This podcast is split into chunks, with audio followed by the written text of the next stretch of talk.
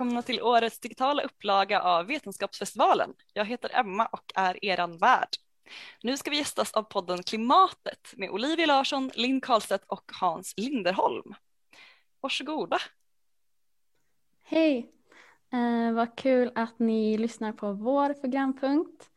Jag heter Olivia Larsson och jag har tillsammans med Linn Karlstedt podcasten Klimatet där vi ibland intervjuar klimatforskare och eh, dagen till ära har vi Hans Linderholm med oss. Um, och jag kan presentera oss lite mer. Uh, jag och Linn har, eller träffades när vi läste kandidatprogrammet i geovetenskap på Göteborgs universitet med inriktning klimatologi. Och uh, Linn läser just nu sin master där i klimatologi och jag läser min master i Norge i climate change management. Men när vi studerade i um, i Göteborg, eh, kandidatprogrammet, så hade vi Hans Lindeholm som lärare, eller han undervisade eh, i flera av våra kurser och han är professor i klimatologi, expert på gångna tiders klimat men också de storskaliga eh, förändringarna som sker i cirkulations i de storskaliga cirkulationerna just nu. Um, eller är det något mer eh, expertområde som du tycker att jag ska lägga till Hans? Nej, det var jättefint presenterat får man ju säga. Tack, tack för det. Tack, tack. Okej, okay, bra. Um, och vi ska prata både om historiskt klimat och nutida klimatförändringar. Men jag tänker att vi börjar eh, från början. Eller inte helt från början, men från 10 000 år tillbaka. Um, så jag ska försöka nu dela en skärm. Um, Ser ni den? Ja. Eh, och det här är då en, eh, här har vi Holocens temperaturvariationer. Och Holocen är den geologiska perioden som vi har haft sedan senaste istiden eh, för ungefär 10 000 år sedan. Och det har varit ett stabilt klimat om man tänker på jordens historia. Um, och det är också den perioden som människorna har liksom blivit den moderna människan som vi är idag. Vi har kunnat utveckla jordbruk och mer komplexa samhällen medan innan det här mer stabila klimatet så levde människor som jägare och samlare. Så därför vill vi väldigt gärna stanna kvar i det här klimatet. Uh, för vi vet inte riktigt hur vi skulle reagera om vi hade ett mer uh, ja, ett ostabilare klimat och ett varmare klimat. Um, men vi ska börja med att prata om den här eh, bilden för jag tänker att om folk ser den så funderar de nu på vad alla de här färgerna är. Um, för, det, för de som koll, lyssnar på oss bara som en podd sen så ska jag säga att vi visar en graf med temperaturvariationerna på Holocen och det är väldigt mycket olika funktioner i den i olika färger. Uh, och vill du berätta Hans vad vad de här olika färgerna betyder eh, och vad ja. det betyder. Ja, men det kan jag göra. Så det här är ett försök att representera temperaturförändringen från slutet av sista istiden till idag. Eh, och vad man kan se då är ju att, att det ser väldigt, väldigt komplicerat och, och lite kaotiskt ut. Och det här betyder, beror på att, att vi har ju liksom inga meteorologiska observationer som sträcker sig så långt tillbaka i tiden. Utan den kunskap vi har om hur klimatet varierar tillbaka i tiden innan, låt oss säga mitten på 1800-talet eh, i bästa fall, eh, den bygger på annan form av information. Eh, och den informationen kan komma från skrivna källor, det kan komma från iskärnor från Antarktis eller, eller Grönland. Den kan komma från droppstenar i, i eh, grottor, den kan komma från sediment i hav och sjöar trädringar eh, och olika eh, källor som, som på något sätt eh, sparar information om hur klimatet har varierat.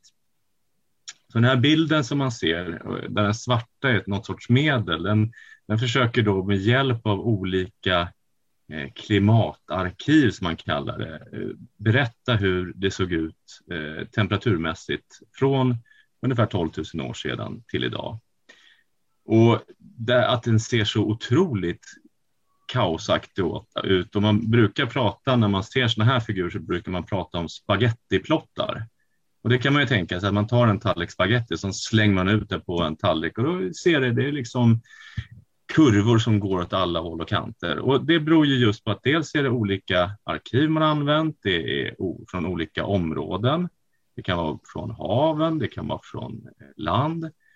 Eh, man kan ha använt olika metoder och allt det här gör att hela bilden av, av hur det egentligen har varit är ganska komplicerad. Men rent generellt kan man väl säga att från förra istiden så skedde en uppvärmning. Eh, och det är klart, för annars skulle vi inte vara där vi är idag. Eh, så eh, isen började smälta bort, eh, den drog sig längre norrut och klimatet blev allt bättre för människan att eh, bosätta sig till exempel på olika platser. Eh, och så tänker man sig då att någonstans för 8 eller 6 000 år sedan så var det då någon maximal uppvärmning då den här perioden. Alltså då var det varmt och gott. De flesta glaciärer var bortsmälta runt om i världen, så det var de här stora istäckena som var kvar egentligen. Och sen så börjar det långsamt då bli en avkylning och det här är någonting som följer det som man tänker sig sker mellan istider, att du har en uppvärmning och sen så blir det en avkylning. Men vad vi ser är ju förstås att den här avkylningen då, som är ganska tydlig, den, den eh, stannar ju upp här mot slutet. Och, eh, nu, för er som inte ser så går den här kurvan, den går ju upp från 12 000 år och sen så är den högst, högsta värdena i temperatur runt 8 och 6 och sen så går den långsamt neråt. Och så tittar vi och så ser vi kanten högt upp eh, på den högra sidan så ser vi 2016 års temperatur som är långt mycket högre än, än medelvärdet av de här kurvorna. Mm. Ja, och för att det hade ju eller man ser det ju bättre på den här lilla eh, grafen som är i hörnet för då är det väl de senaste 2000 åren bara. Att, att, det verkligen sticker eh, rakt upp eh, de senaste decennierna. Men eh, det jag tänkte på var att um, det har ju liksom varierat inne i Holocen här också. Det går ju inte. Uh, det är ju liksom inte en rak uh, kurva och det man hör av liksom klimatskeptiker ofta är att alltså man liksom säger ja men man kunde uh, odla vindruvor i Sverige för 900 år sedan så det kunde inte vara en global uppvärmning som har eh, gjorts av människan, liksom, att det är naturliga variationer. Och vad, vad är liksom den viktigaste, eller varför är ni säkra på att just den här uppvärmningen inte är eh, en naturlig? Eller hur skiljer den sig från de andra som vi har sett? i historien? Ja, det är en jättebra fråga.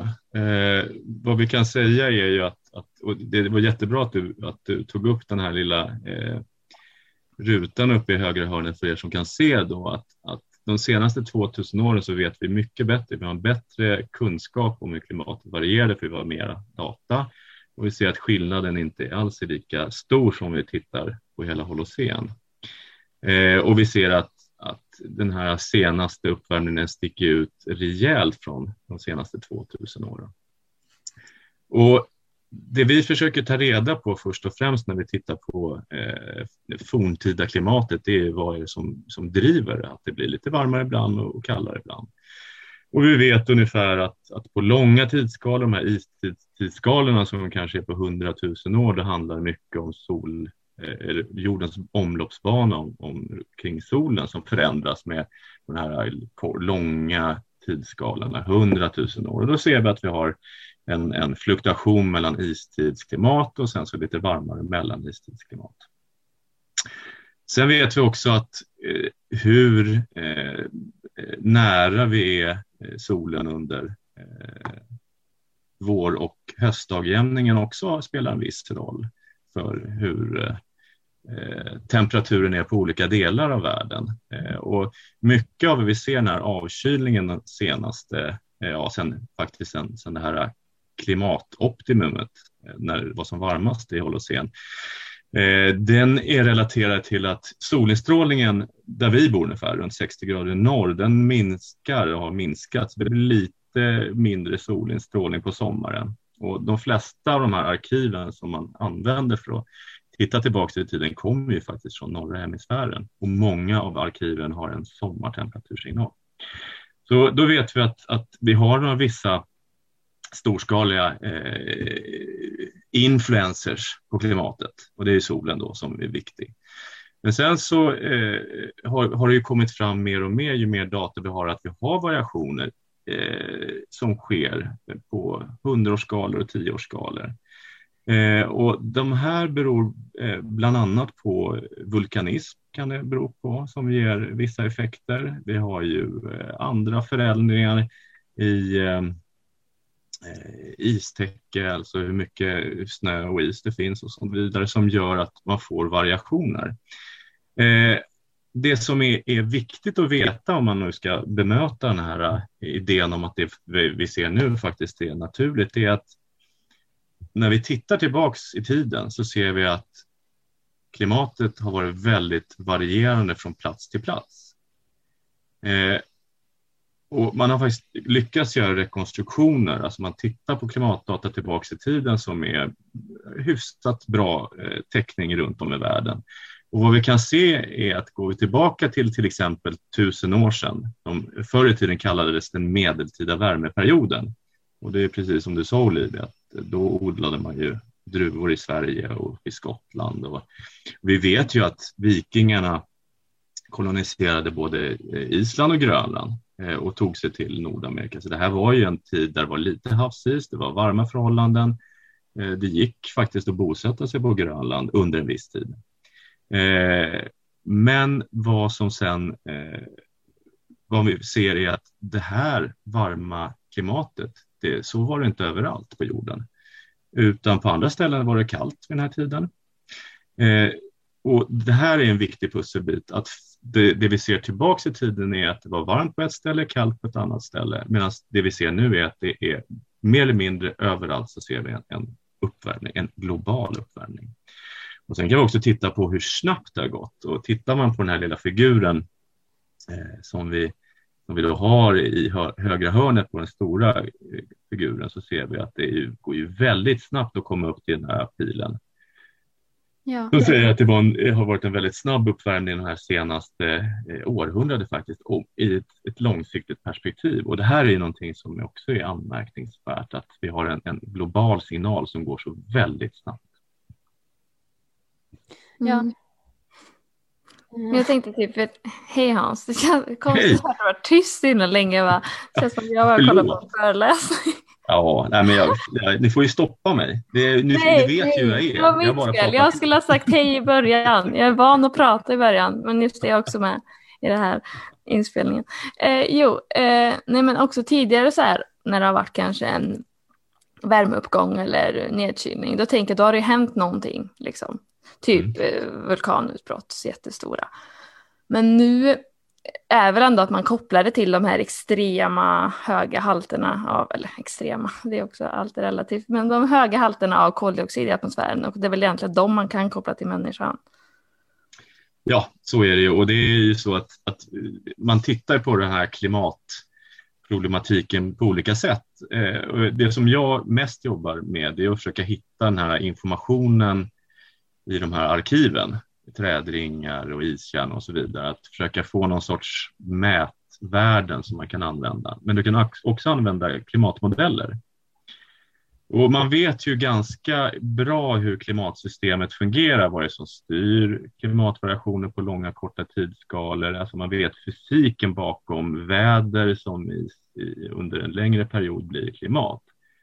Eh, och det kan man använda för att bygga upp modeller. Och när man gör modellexperiment och försöker att få till den här uppvärmningen som vi ser, speciellt från 1950-talet och framåt. Går det inte att få till den om man kör modellen eh, under naturliga förutsättningar. Mm. Det går inte att få det så varmt. Så det innebär ju att för att nå upp de här temperaturerna så måste vi sätta till någonting och det är genom att öka eh, växthusgasen i atmosfären eh, det främsta. Sen är det andra saker som människorna påverkat jordens klimat med förstås. Men utan det så får man inte alls de här temperaturnivåerna som vi är på nu. Mm.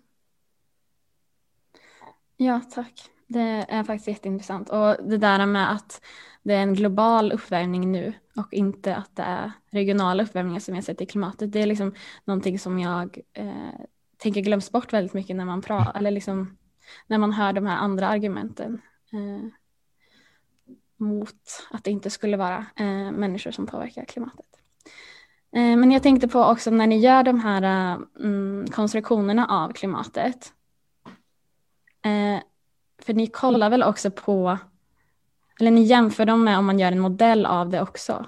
Eller kalibrerar det med liksom också med de hundra åren som det finns eh, temperatur, eh, uppmätta temperaturer. Eller, hur, eller liksom hur, hur vet man att det är liksom typ rätt?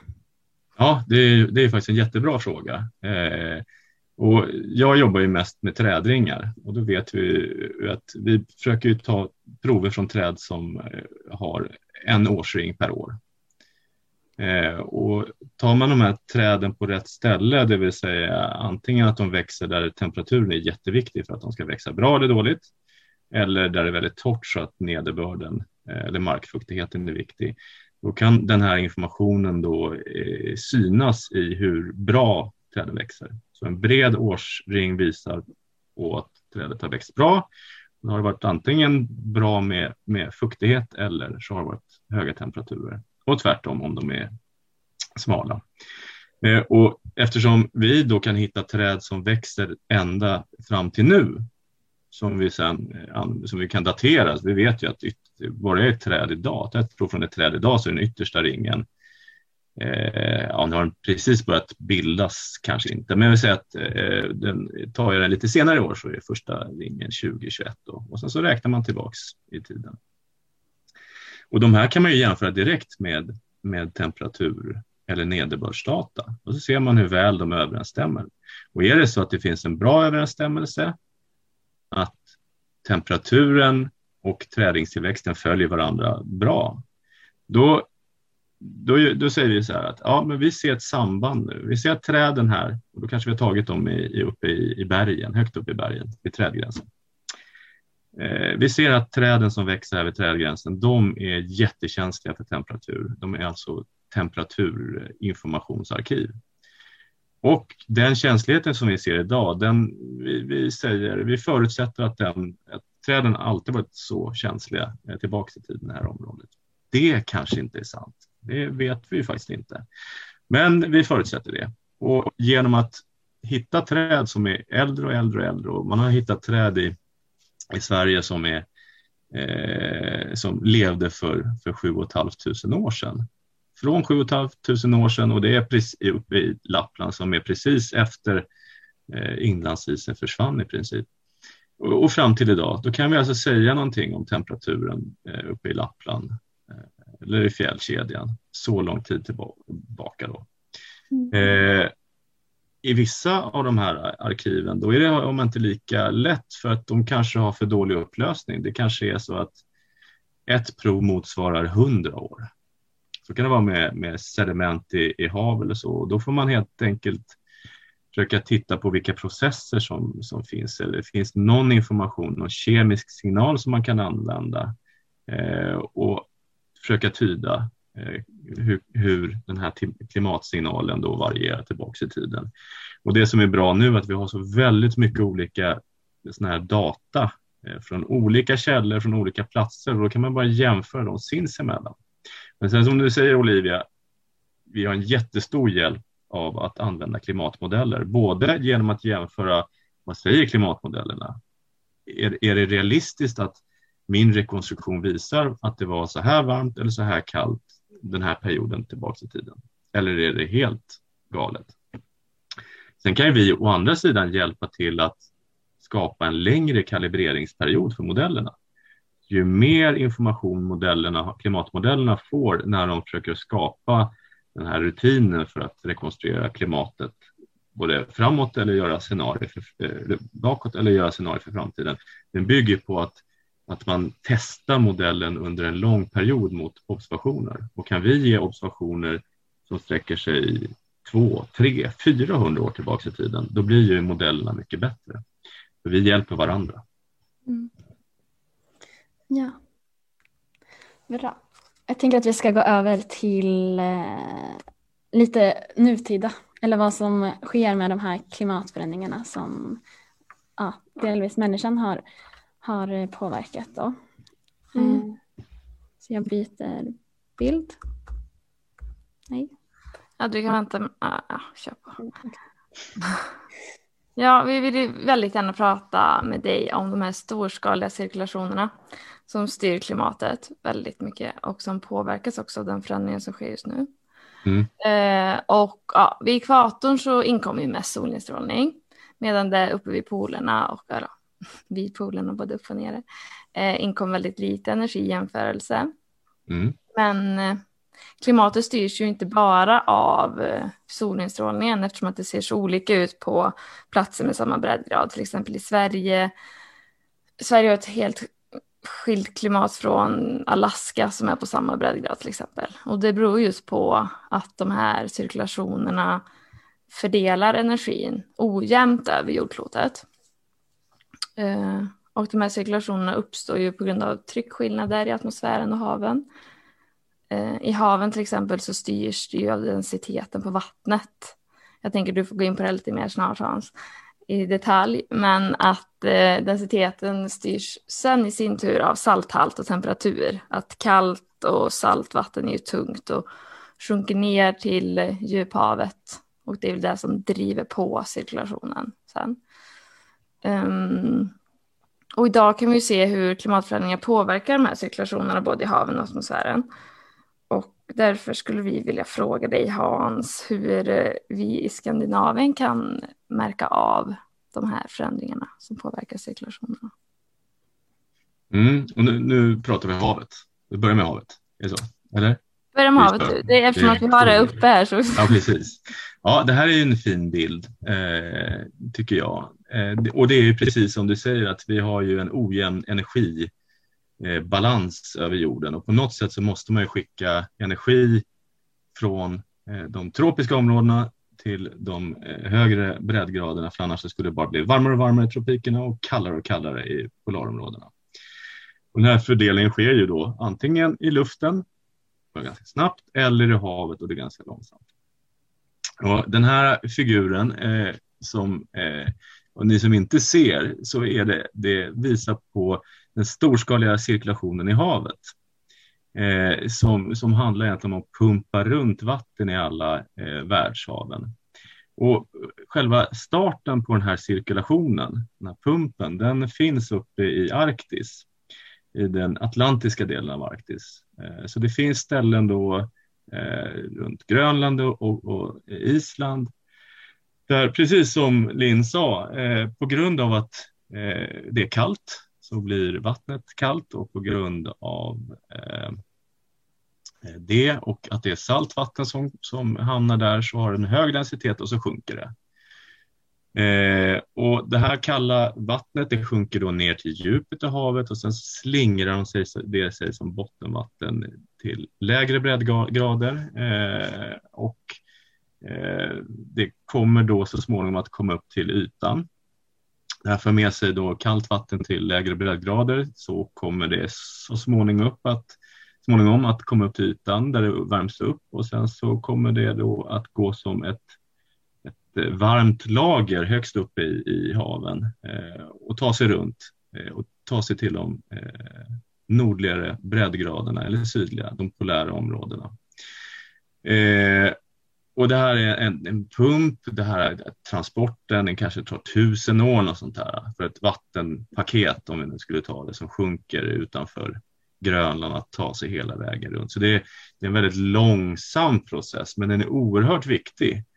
Eh, många har nog hört talas om Golfströmmen då, som är en varm ström som går från, eh, från Centralamerika och upp längs eh, Nordamerikas östkust och sen så transporterar varmt vatten upp med eh, norska strömmen upp till eh, Skandinavien och det är den som, som Lind sa gör att det är mycket varmare här än om man jämför eh, till exempel med samma breddgrad i Alaska eller inne i Sibirien eller så.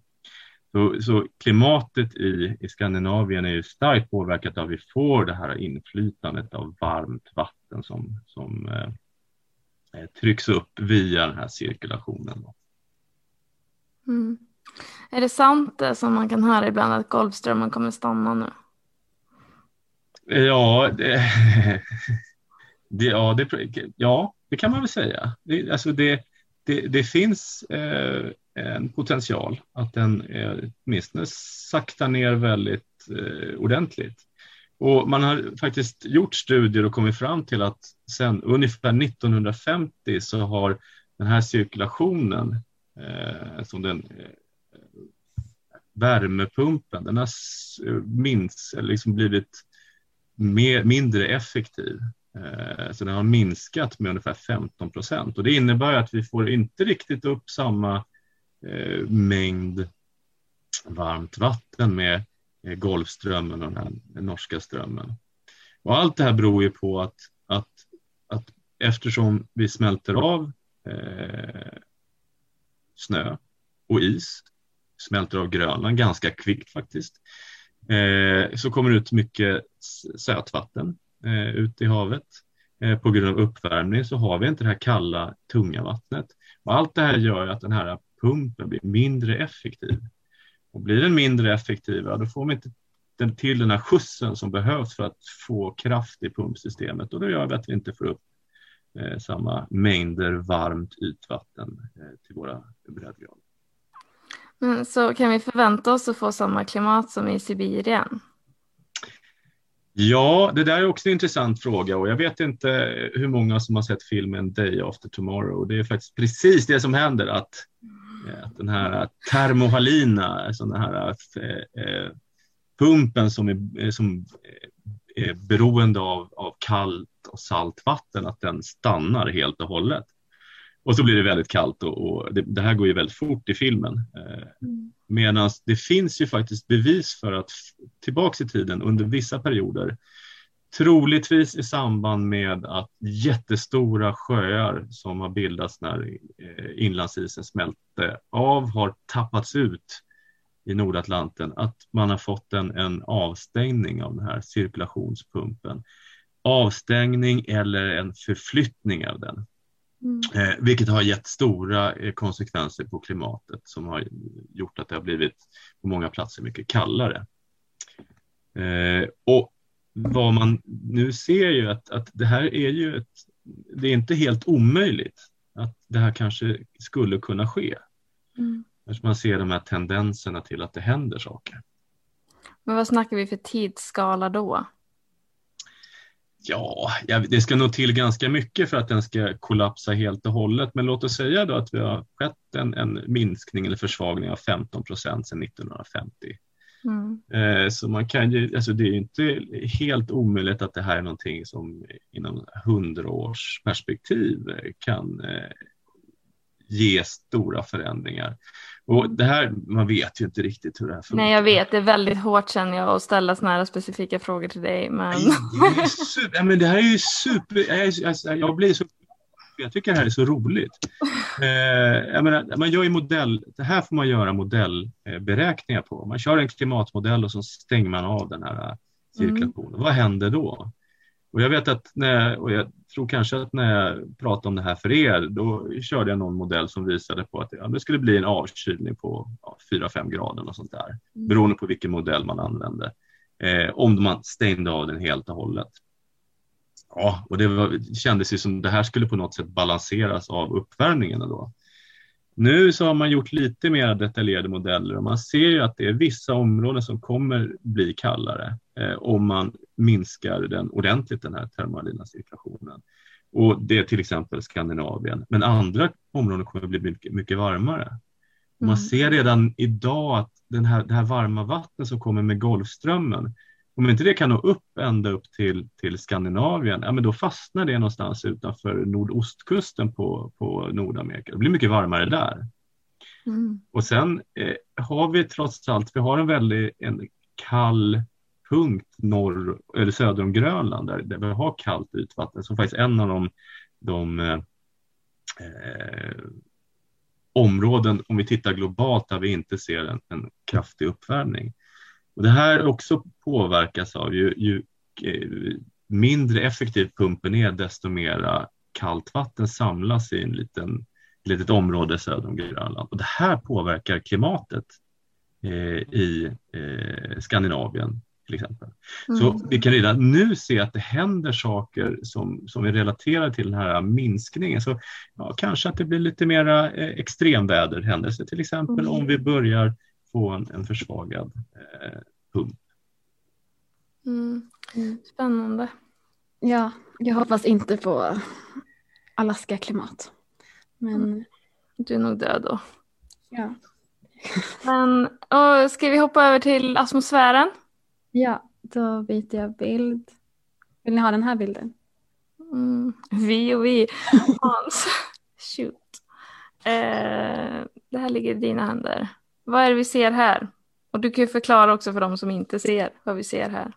Ja, just det. Det här, var ju, det här är ju en bild som vi hämtar från Dagens Nyheter faktiskt. De gjorde ett litet reportage om jetströmmen. Eh, och det här, just den här bilden skulle då visa på varför det var så kallt i vintras. Eh, men vi pratar om att vi har en global uppvärmning, allting blir varmare, men helt plötsligt så, så kommer det Eh, i vissa områden på världen eh, jättekalla vintrar eh, som ploppar upp här och där. Och frågan är vad det beror på. Det här verkar ju motsäga att vi har ett varmare klimat. Eh, och jag vet, jag cyklade dubbat nästan hela vintern eh, efter nyår här i, i Göteborg. Så det har ju varit kallt och det har varit snö och det har varit is och så vidare. Det hör ju inte till vanligheterna. Vad är det som orsakar det här? Eh, och, och då för att visa då hur, hur eh, olika luftmassor kan hamna på ställen där de kanske inte brukar vara så, så är den här bilden väldigt bra. Eh, för det är ju så att, som, som du sa Linn, eh, så har vi ju, även i atmosfären så har vi en, en, en omdistribution av energi, värme från eh, de eh, tropiska områdena till de mot de polära. Och allt det här sker genom olika vindar. Eh, vi har tropiska eh, luftmassor som sedan möter eh, subtropiska luftmassor som i sin tur möter polära luftmassor. Och där de här möts, där varm och kall luft möts, så bildas det vindar eftersom det är stor temperaturskillnad och stor tryckskillnad. Och de här vindarna är väldigt viktiga för de påverkar vädret. De påverkar också hur luften rör sig. Så har man starka vindar som cirklar runt eh, polarområdena så håller sig den kalla luften där. Medan är de lite svagare eh, så kan de, den kalla luften då halka ner till lägre breddgrader. Men också varm luft komma upp. Eh, och det här är, är ju någonting som, som i sig är intressant eftersom det, det är relaterat till vädret. Men om man tittar på ett klimatperspektiv Eh, så är det ju så att de här, alla, alla vindar som, som vi har, de är ju beroende av att det är varmt i tropikerna och kallt i polarområdena. Om vi har en uppvärmning som vi nu ser är mycket kraftigare i polarområdena, speciellt Arktis, främst Arktis, eh, där uppvärmningen är mycket snabbare än det globala medlet, så innebär ju det att den här skillnaden mellan kall polarluft och varm tropisk luft minskar. Och det, det här gör att de här, de här vindarna som bildas, de blir annorlunda. Eh, och om man nu tittar på de här bilderna, så den vänstra bilden visar på eh, i jorden, vi har en luft, eh, en vindström som går som ett band runt jorden. Det är en jetström eh, och den är väldigt, väldigt, eh, vad ska vi säga, vågig. Så vi ser att den går upp och ner, den slingrar sig som en, en, eh, en, eh, en stor boorm runt norra hemisfären. Och där ser vi att där, eh, där den slingrar sig upp mot polen så kan varm luft komma upp från tropikerna och där den slingrar, slingrar sig ner mot lägre breddgrader så kan vi få kall luft som kommer ner. Okej, okay, eh, på den högra bilden ser vi eh, ett annat eh, Eh, förhållande där vi har en stark temperaturgradient där vi har mycket kall luft i polartrakterna och varm luft i tropikerna och då har vi en stark vind och vi ser att den här eh, slingrar sig inte alls runt så mycket den här jetströmmen utan den är ganska eh, rak. Det är som mer eller mindre som en, eh, ja, lite halvdåligt pumpat cykeldäck. Men ändå, och det här gör att den kalla luften håller sig på sin plats och den varma luften håller sig på sin plats. Jaha, och varför var det här intressant? Ja, men vi kanske ska, ska, vi, ska vi titta på nästa bild faktiskt? Det kan vara lite spännande. Ja. Eh, för här tänker man sig då att de, de här, hur slingrig den här jetströmmen är, det är ganska viktigt. För att är den väldigt slingrig och rör, rör sig långsamt, det innebär att man kan få samma typ av väder på en plats som stannar där under en längre tid. Det kan ju upphov till extremväder och det kan vara att antingen att det är jätteblött, så att det regnar mycket och det blir översvämningar, eller som sommaren 2018 när vi upplevde den här värmeböljan i Sverige, att man får då ett högtryck, varm tropisk luft som, som lägger sig som ett eh, lock över eh, ett område och stannar där under lång tid. Eh, så får man en vågigare jetström eh, där cirkulationen är långsam och, och eh, väldigt vågig, då kan man då få upphov till sådana här extrema väderhändelser. Och vad man tänker om vi nu tittar på de två understa, B och C på den här. Eh, så som jag sa så hur de här eh, cirkulationerna ser ut, det beror på hur stor temperaturgradienten är mellan ekvatorn, där vi har störst instrålning och sen så polartrakterna. Eh, och är det så, i vanliga fall så har vi ju då eh, en, en, stor, en stark gradient, eh, ett, ett klimat innan människan påverkade så mycket. Vilket innebar att den, den kalla luften höll sig i polartrakterna och så hade vi varm eh, luft eh, i tropikerna och sen så någonstans mitt emellan där har vi då vädret där de här luftmassorna möts. Vad vi nu ser är att på grund av att det blir en mindre temperaturskillnad så, så börjar den här äh, polära luften, jetströmmen som håller den inne, den börjar bli lite seg och den orkar inte hålla emot längre utan den flyter ut lite längre söderut och blir mycket vågare. Sådär. Eh, men också ser vi att det här tropiska området där det är som varmast, det ökar. Och vi har ju två jetströmmar på jord, varje eh, hemisfär. En som är eh, polär, polar jetström och en subtropisk.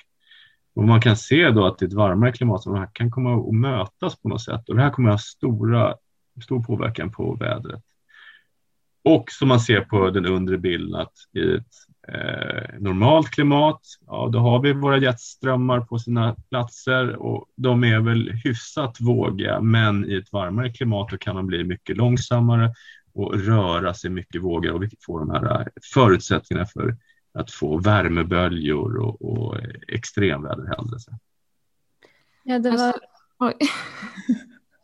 Det var lite det som hände i USA också. Det var så himla kallt i Texas i eh, ja, någon månad sedan. Eh, ja. Aldrig haft. Min, ja, precis. Min syrra bor ju där. Mm. Eh, hon är på väg hem nu. Men hon, hon, det var ju fullt kaos för hon bor ju då i, ja, i södra Texas. Och det var ju massor av snö och det var ju fullständigt elände. Och det var precis för att, att det var en sån här kall luft som dråsade ner eh, över eh, Nordamerika en, och nådde ända ner till Texas. Och då kunde de få den här eh, helt onormala väderförhållandena. Det kan vara bra att ha med sig, tänker jag, eh, om folk börjar säga att nej men det, blir, det var jättekall sommar i år, det var inte globala uppvärmningar. Att vi kan faktiskt förvänta oss extrema väder åt både, båda hållen. Det kan mm. både bli kallt och det kan bli varmt. Och blötare och torrare. Precis, och, var, och hur, varför kan man inte säga att bara för att det är, var kallt en sommar att det inte är en eh, global uppvärmning till exempel? Mm. Varför? Ja, för det är ju väder. Ja, ställer du fråga till Ja, nu får ställa en fråga till er. Jag och Olivia, panik. nej, nej. Vad gör han? Ja. Det här sa vi inget om. Nej, vi är riktigt bara på frågor. Ja. Um, ja, spännande och uh, intressant. Ja, ska vi hoppa över till uh, en annan kontinent? Ja, ska vi prata lite om Asien? Mm. Vi vet ju att du uh, är expert på inre Östasien också, Hans. Eh, och du har forskat mycket på det. Och du publicerade en artikel som hette Abrupt shift to hotter and drier climate over inner East Asia beyond the tipping point under 2020 publicerades den. Och det låter ju som att läget inte är så jättebra där.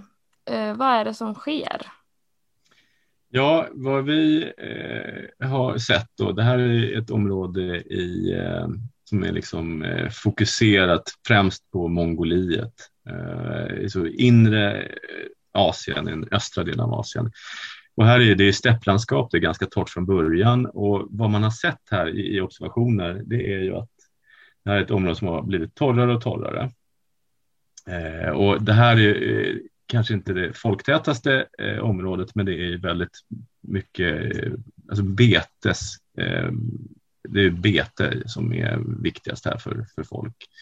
Det här, eh, folk är, är nomader, det är, eh, mongolerna kom ju från de här områdena, Genghis khan och hans eh, arvtagare. Eh, så det är stora stäpper, stora fria områden och kanske inte ett område som man tänker på så mycket och så. Eh, men vad man ser i alla fall är att här har det skett stora förändringar. Och genom att använda trädringar i det här fallet, då kunde vi sätta ett långsiktigt perspektiv. Så här, hur annorlunda är de här, eh, den torka som vi har sett eh, skett i, i de senaste årtiondena i, i det här området? Och då visade det sig att då tittade vi dels på träd som var känsliga för höga temperaturer men också träd som var känsliga för eh, markfuktighet. Så eh, några växte torrt och några växte kallt. Mm. Då kunde vi genom att titta på deras mönster kunde vi se att det har skett en stor förändring där, där under den senaste tiden har blivit allt både flera värmeböljor och, och torra, eh, varmare men också att markfuktigheten har minskat så det liksom blir torrare i marken. Då kan vi se det eh, och så kan vi också använda eh, observationer och, och, klimatmodeller och se vad är det som gör att, vad är det som händer här egentligen? Och det, för det här är någonting som man har sett på andra ställen också, att vissa områden som blir torrare, de verkar ha mera värmeböljor. Eh, och då kan man se att, att, när ett område som, som är torrt eh, påverkas av värmeböljor så innebär det att den lilla markfuktighet som, som finns i marken den avdunstar. Vid avdunstning så kyls luften av lite grann men när du inte har någon fuktighet kvar i jorden ja, då, då blir det ingen avkylning och då blir det bara varmare och varmare och det här kan leda till att ett, ett högtryck som skulle gett en värmebölja på några veckor kanske stannar kvar en månad eller så och gör att det här, den här värmen blir varmare och varmare. Och det kan vi då se i den här regionen att det har blivit en, en, en, en förändring där det här sker oftare och att vi ser att det blir torrare och torrare markerna och vi får fler eh, värmeböljor. Och då funderar vi på, är det så, alltså, någonstans så, så, är det väl kanske så att man når en brytpunkt, att, att det går inte att nå tillbaka till de förhållanden som fanns förut. Eh, och i det här fallet så funderar man på hur, var skulle vattnet komma ifrån för att göra så att det blev fuktigt i marken igen. Du, det gör det varmare och varmare och torrare och torrare. Hur får man eh, dit fukt?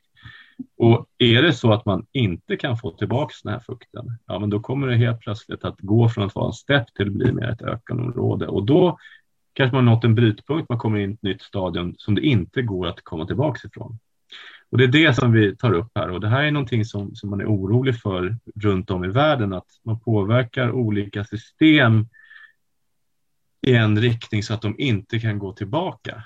Eh, där extremexempel det är liksom att man smälter bort Grönlandsisen eller Antarktis och då blir det oerhört svårt att, att få tillbaka isen på de här ställena. Eh, och det är en sån här klassisk brytpunkt, men också att man stänger av den här eh, pumpen i Nordatlanten. Så det här, det här är någonting som är intressant och vi tror ju också att den här värmeböljan i Sverige, att orsaken till att den blev så eh, långvarig och kraftig var just att det var väldigt torrt på våren innan. Det hade kommit lite regn, jag vet inte om ni kommer ihåg att det var väldigt torrt på våren och sådär. Grundvattennivåerna var väldigt låga, det kom ingen regn. Och sen så började det komma den här värmen och så blev det varmare och varmare och så, så höll det i sig. Så att om man nu hittar ett samband med det här, då kan det vara flera ställen i världen som kan ligga i riskzonen för att man börjar komma till ett läge där, där det blir allt torrare och varmare och det kan ju få stora konsekvenser, inte bara i Ostasien. Nej. Läskigt. Mm. Det påverkar ju så mycket. Alltså jordbruket och matförsörjning och vattenförsörjning och allt. Liksom. Ja, Och det är så himla mycket folk som påverkas också så det är ju Mm. ja, det är hemskt.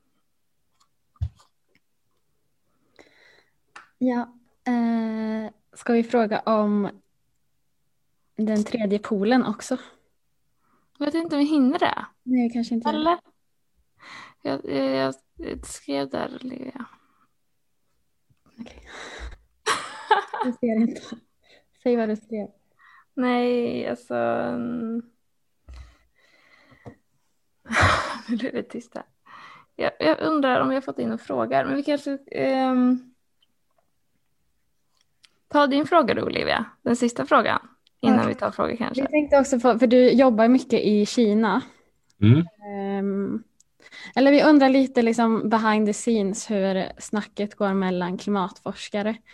Om, om ni är oroliga och om du märker en liksom olik oro beroende på vilka, för du forskar med så många olika forskare liksom. Eh, om du märker att det är olika, olik oro beroende på vart eller vilka kollegor du forskar med men också liksom om man får säga saker som så här, ah, vad synd att ni ska att Kina, kinesiska staten liksom eh, ska öppna 500 kolkraftverk. Är det liksom sånt man pratar om eller fokuserar man bara på forskningen? Jo, men det är klart man pratar om eh, både det ena och det andra och, och som du säger så är det väl lite beroende på vad man, man eh, forskar på. Jag menar, som, som i, vad jag försöker att göra det är att förstå själva systemet, vad det är som gör att det förändras och vad som påverkar systemet naturligt. Mm. Eh, och, och då, då kan man ibland liksom sätta på skygglappar och bara tänka på, på det. Vad, vad är det, hur påverkar ett vulkanutbrott brott, eh, klimatsystemet och vad ger det för effekter? Och man går in i liksom detaljer. Men sen håller jag på, jag, just nu så håller jag bland annat på att titta på eh, spannmålsodling i Tibet och eh, fiske eh, längs Östafrikas kust. Och, och där ser man ju liksom att, att redan nu att det är påverkan av klimatet, men också av hur människan utnyttjar resurser. Där det i, i Tibet kanske är, är bra om det blir varmare, att det finns en potential att odla mer eh, andra grödor och kanske ha fler eh, skördar per år. Eh, Medan i, i Östafrika så, så ser vi liksom att den här hårt fiskade fisken eh, också stressas av att havstemperaturerna höjs. Så folk är ju, är ju, är ju oroliga, men sen så än så länge är det ju, alltså det finns ju möjligheter att, att göra någonting åt det här. Och jag tror att alla som jobbar med det här är så otroligt fokuserade på att få ut informationen så att, att de som tar beslut och de som kan komma på lösnings eh, idéer, alltså hur man ska lösa olika problem, att de får chans att, att komma på det här. Eh, det är viktigt. Så, så att, eh, jag tror att även om det känns väldigt jobbigt ganska ofta så finns det ändå ett, ett visst mått av hopp fortfarande. Bra. Mm. Vi, har- vi har glömt att säga det att man fick ställa frågor. Men har vi fått in någon fråga? Olivia, vi kan sluta dela skärm. Har vi fått in någon fråga? Ja, hej! Vad Hej. intressant att höra om oss det här. Vi har fått en fråga från Romana som undrar om det är så många faktorer att ta hänsyn till, kan vi verkligen påverka och styra klimatet? Ja, det, det är ju en bra fråga och det beror väl lite på hur man ser det. Eh, alltså det finns ju många faktorer som påverkar eh, både på liten och stor skala. Men vad vi ser är ju att effekten av eh, ökade växthusgaser slår igenom så väldigt mycket. Men till exempel så vet vi att utan solen så skulle det inte vara möjligt med liv här. Eh, så att solen är ju viktig för, för, för oss. Men vi ser också att förändringar i solinstrålningen från solen, eh, som man förr trodde var väldigt viktiga, de verkar inte spela så stor roll, utan då är det kanske viktigare med, med vulkanutbrott och så. Men fortfarande är det så att utsläppen från människan, det är det som vi ser under de senaste, ja, sen, sen man började med industrialiseringen så har man ju haft ett jättetydligt avtryck på, klim, på klimatet av det. Mm. Ja, jag tänkte lite på det, när var det forskningen började märka av eh, klimatförändringar eh, som verkar vara kopplade till mänsklig eh, aktivitet? Ja, det där är lite intressant för det har kommit små, små funderare på det här eh, under olika tider och, och speciellt då när, när, när industrialiseringen började komma så var det faktiskt en del som funderade på om det här verkligen var eh, så bra. Eh, men man får ju tänka på också att, att vad som, hur den perioden var så var vi på väg ut från den lilla istiden. Så att det var under en väldigt kall period som man började med den här industrialiseringen. Och då var det nog många som tyckte att ja, det, kanske, det är nog bra om det blir lite bättre, lite varmare. Då kunde man se det. Och då fanns det liksom ingen, ingen anledning att, att börja fundera på hur illa det här var, liksom, eller hur mycket människan kan påverka. Utan det kanske, ja men här, det här så. Det kanske är okej. Okay. Sen har det kommit omgångar då, när man, dels när man börjar komma fram till eh, hur mycket eh, växthusgaserna och koldioxid påverkar temperaturen eh, med förändring med Arrhenius och så vidare. Eh, och sen så lite framåt i tiden, så kanske på 70-80-talet, då börjar man ju eh, verkligen ta tag i det här. Men jag vet ju när jag var ung så var det ju en väldigt kall period eh, och det var oljekrisen och 80-talet och då pratade man om att nu är vi på väg in i nästa istid. Och det är inte jättelänge sedan. Så, så att den här debatten när man har verkligen förstått det, även om man har sett att temperaturen har ökat så har man kanske inte kopplat den på, på, liksom på bred front till eh, människans påverkan. Mm, så det var en väldigt kall period som fick människor att tänka att eh, nu är vi på väg in i en istid. Ja, men jag kommer ihåg att det var prat om det och det var som sagt det var oljekris för att det var, det var väl oljeproducenterna kanske höll på, på sina, sin olja och så. Jag var ganska ung då, eller väldigt ung. Så, men, men jag vet att, att tittar man på en del artiklar så var det en del som skrev sig nu är vi på väg in i istid, för det var en liten kall period. Mm. Eh, och sånt händer ju eh, naturligt också. Och sen har vi kommit fram till att det är nog kanske så att, att vi människor genom andra utsläpp då, av såna här aerosoler, små partiklar, sot och grejer som, där, som vi släpper ut i avgaser och sånt där, det har faktiskt kylt ner eh, jorden ganska rejält. Så hade vi inte haft de här utsläppen så, eh, av, av små partiklar, då skulle uppvärmningen troligtvis varit ännu större. Jaha, så det finns, en, eh, det finns utsläpp som faktiskt leder till en lägre temperatur? Ja, små, små partiklar ja. som reflekterar solstrålningen eller hjälper till att bilda moln. Eh, så de har, de har liksom en negativ påverkan på den här eh, strålningsbalansen. Så att, eh, och, och vi, man ser ju, man kan titta på sådana satellitbilder över världen och det var ett tag, det var sådana stora bruna block toppar över, över Kina och så där, där man ser stor industriproduktion och vi hade det över i, i Europa också ett tag när det var jättestora utsläpp i Europa och Storbritannien. Och det här, alltså de här molnen av, av, av partiklar och föroreningar, de här liksom reflekterar bort solljuset så då blev det lite mm. svalare. Oh, det sätter ju den här idén om utsläpp i ett intressant perspektiv. Jag tror att jag tänker, jag tänker nog utsläpp eh, dåligt initialt. Eh, men ja. det finns alltså, det är ju klart också att utsläpp i sig inte är dåligt. Det är en ganska enkel förklaring, men man kan säga att ja, men de här utsläppen verkar ge de här effekterna på vårt klimat. Um, men intressant att höra då att det finns positiva utsläpp om man ska uttrycka sig så. Ja, um, ja. De brukar också vara väldigt dåliga för andra saker, typ att man får sämre hälsa. När man, ja.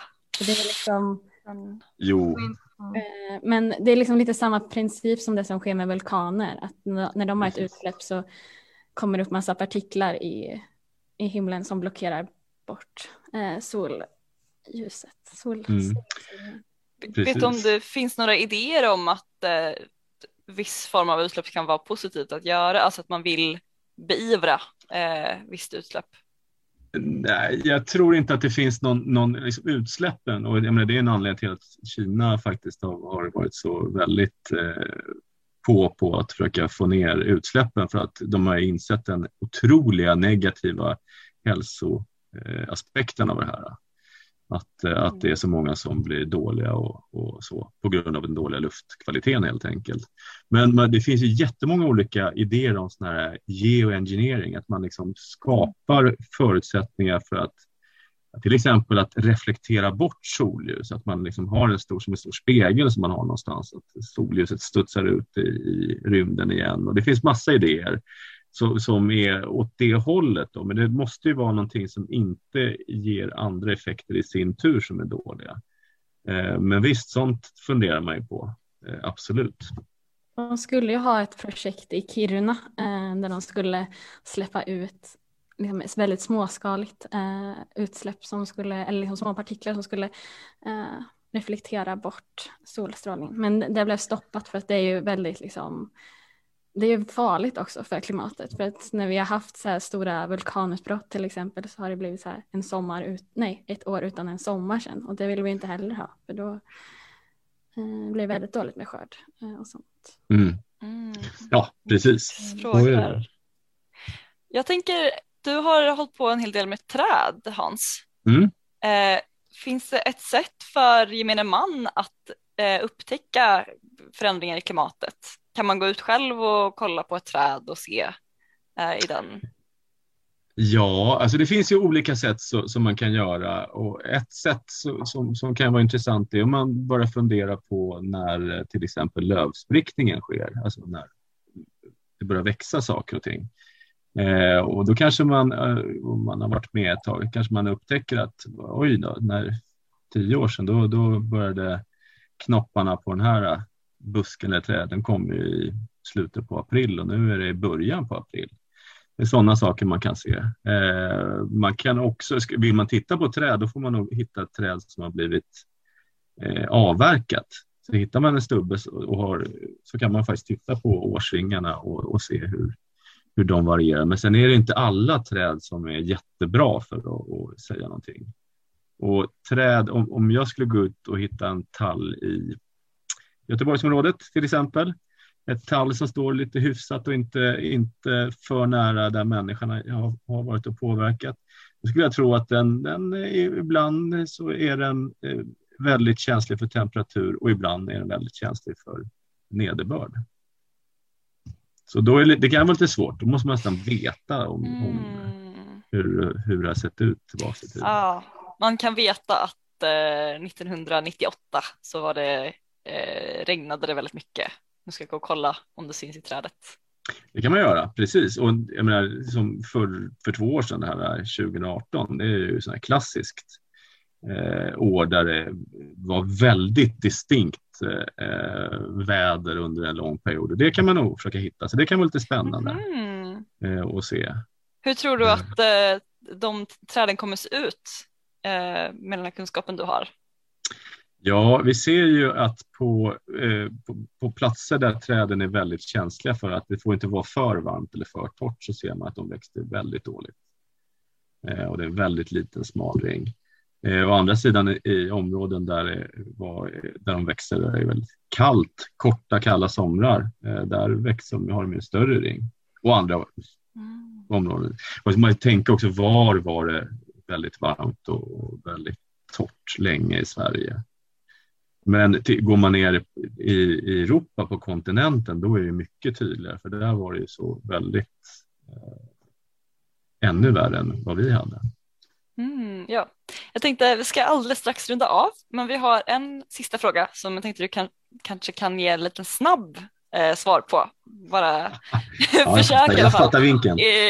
Isabella eh, skriver eh, Vissa tycker att man inte ska peka på tillfälligt extremväder såsom värmeböljan 2018 eh, för det gör att klimatförnekare kan peka på motsatsen, kalla vintrar etc. för Mm. att motbevisa klimatförändringarna. Vad säger du om det? Ja, vi har, vi har varit lite inne på det där att eh, ju, vad vi ser och vad vi tror det är att det kommer bli mer extremer och sen att de kan vara kalla på grund av de här förändringarna som vi har visat på i, i luftcirkulationen till exempel eller havscirkulationen. Men att det blir mer extremväder, det får vi nog räkna med och det är ju ett tydligt tecken på att vi förändrar klimatet. Mm. Tack så jättemycket för er eh, medverkan. Kul att Mm. lära sig mer om vad som händer med vår jord. Ja, Ehm, jättekul. Mm. Ha det fint. Detsamma. Samma. Hej då.